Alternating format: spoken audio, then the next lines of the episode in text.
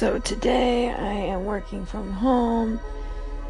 The best part about working from home is you don't have to look nice. You can just look pretty crappy and sit around and it's better for focus. The worst part is that you have no one to talk to.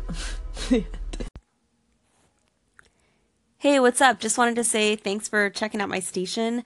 If you ever have any questions or comments on tech or anything happening in Silicon Valley, let me know. If I don't know the answer, I'm always glad to look into it for you. Talk to you soon.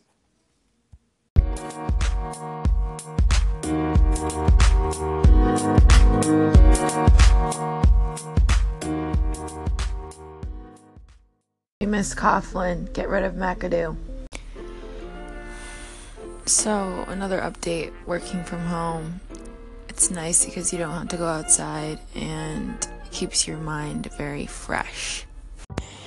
This time I'm talking about working from home on an Android device, and the nice thing about Android is that you can just download APKs right from Slack.